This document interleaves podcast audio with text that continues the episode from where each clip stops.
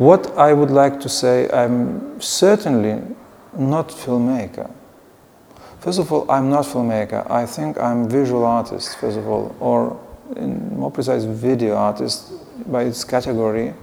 Even I'm not often using video, but the digitalization, and especially with the more recent work, I mean, I'm very fascinated about these new possibilities of combining analog and high definition digital formats.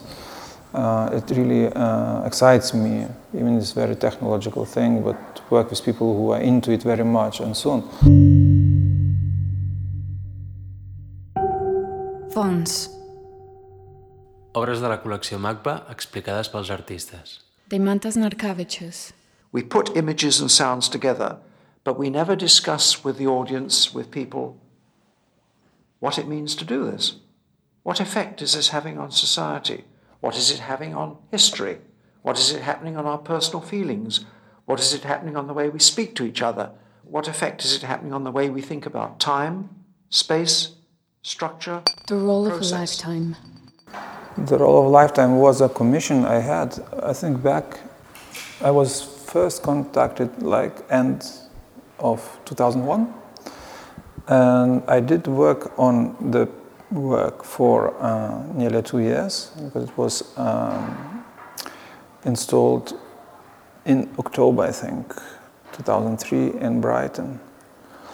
And it's a specific uh, commission. Actually, it is part of the larger commission series, which are initiated by Anglican Church, south east of England, in uh, several counties. Uh, and the aim of that, uh, uh, of that, um, of those commissions was, I, I don't know if they are still uh, going on, but um, to invite contemporary artists uh, to make work for cathedrals and churches. Because I think Anglican Church was um, or is in a deep crisis. I mean, the, the probably really it's not serving anymore the purpose of the church. Uh, it's really secular society there, so nobody's really going to the church. And, um, and this initiative came from church itself. I was contacted by Teresa Glido to, to make a work in Brighton at St. Uh, St. Peter's Church. Indeed, the work uh, supposed to be a bit site-specific in a way, or has to do some had to do something with, probably with Brighton or don't know. Uh, and it's not a simple thing because I think to do something for the church is very very complicated because there is nothing needed for the church. It's kind of everything is there. It's sort of canonical. It, there's nothing extra you need there. Maybe people who believe, you know, and, and go and pray. So I decided to do uh, an ephemeral work, a film, and I didn't did any really intervention into the church. I asked sometimes before the before the mass to put on a, a, a freestanding screen and, and, and screen them my film, which then became the role of a lifetime. And, and the sound system was connected to the church sound system. So basically, the monologue of Peter Watkins, which is in the film, is basically was going through the sound system of the church, like what priest would do in the mass. So it's to try and indicate that this thing called documentary is a, is a, is a creation, is a, is a fake. I'm doing that not just for pleasure. Some artists, I think, like to play with form. I'm not interested in that because it's cost me too high a price to do this in my life. I'm interested in that not only for creative reasons, but for political and social reasons. And that, I think, is where my work has gone wrong.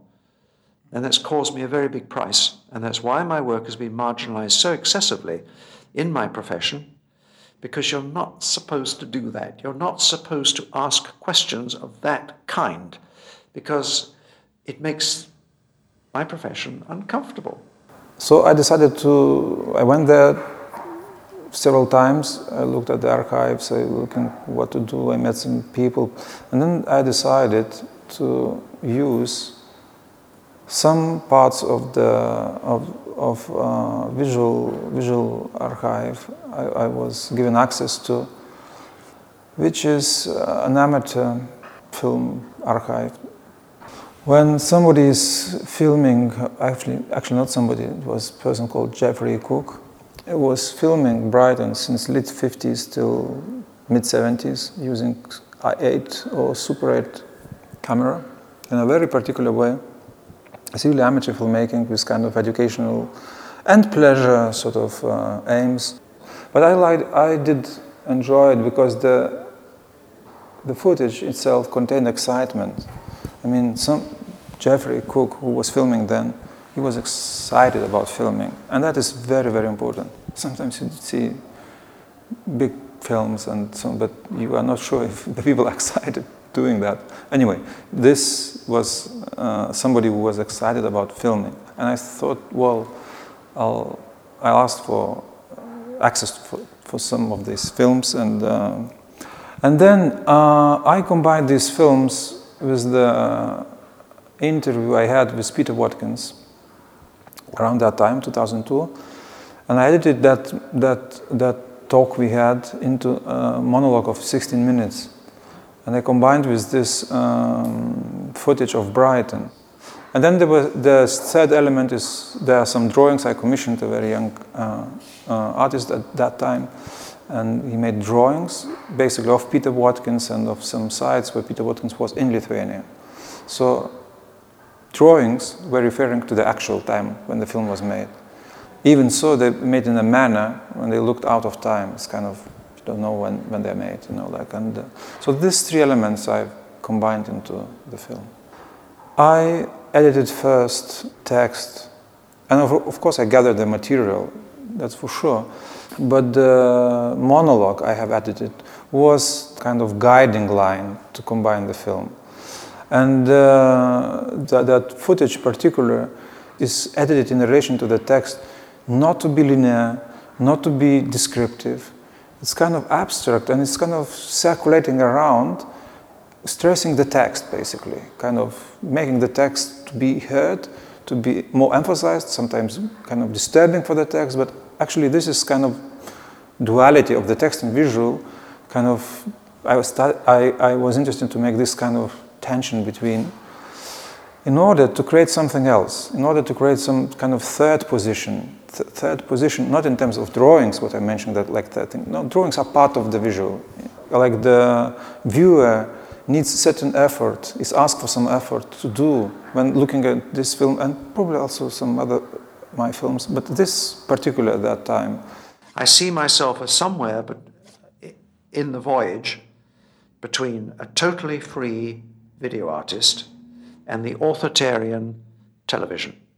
That middle area is a very important area because it's an area that, if more people in television went into it, they could liberate themselves and the audience. And I think to a lot of people in the mass media, the totally free video artist may be something they could never think of. Who knows? It's too, it's too free or too radical.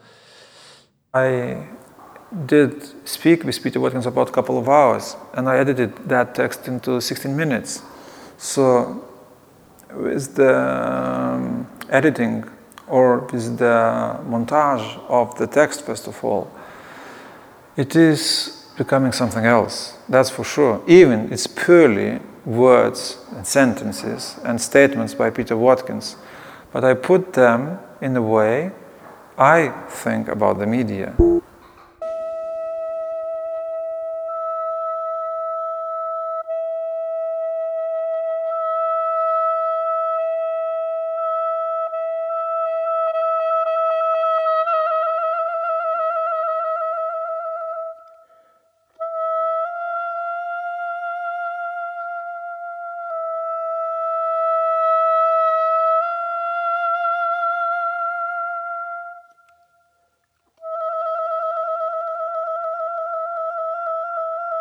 Raštus, nes jis yra per didelis ir žinai, simbolis, kuomet menas neturėjo atsiskaityti už savo išlaidas. Scena. Well, this film was also a strange commission and I had been given very short period of time because I've been contacted by Hans Ulrich Obrist and when he was uh, doing show together with Molly Nesbit and um, Rirkrit uh, which was part of the Venice Biennale 2003. That was called Utopia Station. The kind of basis or static point is, is the architecture of the contemporary center. And besides that, this place is like the cradle of the visual arts scene in Lithuania, starting when it has been built, like 67.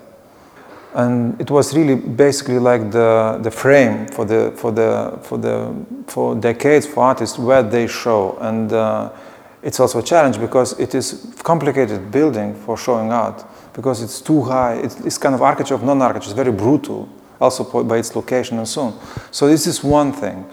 I could kind of go on that. But uh, what I would like to mention regarding why I choose this location in particular, this has been my, I think, first attempt of kind of a subject that um, after this kind of transformations we had, because the, for, for a long period of time, there was no way of uh, free uh, practicing of contemporary art, especially with the art which, which, uh, um, which is about ideas, and uh, it was too, it was not possible because of the political formation we had then. So with this work, um, I touched this issue that already by 2003 already was enough period since the since the changes at the beginning of the 90s when you can reflect on that, that period. And I think this already like there was kind of enough time and a kind of generation started to be active, which is uh, operating uh, in a different way. But they have to deal with what they have uh, inherited. And I mean, what they have inherited culturally. And what they have in, in, inherited culturally, their building represents very well something what is very mon monumental, not so much critical, maybe brutal and uh, impressive as many monuments produced in uh, non-liberal society. Non-liberal society is probably best society for big monuments because it is to impose certain ideas without any discussion with the public. The monuments are imposed. So I think, I thought at that time, I mean, showing with this 10 minutes film, showing a couple of people, th three people who have different relation to that uh, institution or to that building. There was a director, there was an artist who at that time was, um, around the time we had a show there, also there was uh, somebody who was voluntary there for a certain period to reflect on that. But basically, their reflections were uh, as those who are unconsciously, also consciously, but uh, taking certain responsibility for what they have inherited. And this what was not so, and still is, not so easy to, to cope with. Because you inherit certain traditions which are really contradicts what you can do. And it's not really said so as it would be said in the, said in the, docu- said in the documentary film, or explaining this is an issue and it's very difficult to know that there's still the traditions coming from, from before and the painters are very strong and you know like they don't want to change. They think that, that nothing is not, if not painting is not art or something like that. There's nothing about that. The, all the reflections are in a different way, visual way, and those texts which are kind of indirect, kind of referring to that. So in a way it is because also this exhibition, curated by Molly Nesbit and Hans Ulrich Obrist, was Utopia Station. So station of something which does not exist. So I kind of um, uh, made this sort of film referring to that institution. So institution is in the hands of those people, of the young people, and they do whatever they, they want to do in a way. Or, but it's not that easy because of what is inherited. So they took responsibility, but also they bear responsibility. And this kind of um, complicated thing what you can do and what you not able to do. It's kind of putting you into this utopia situation. It exists, but not physically.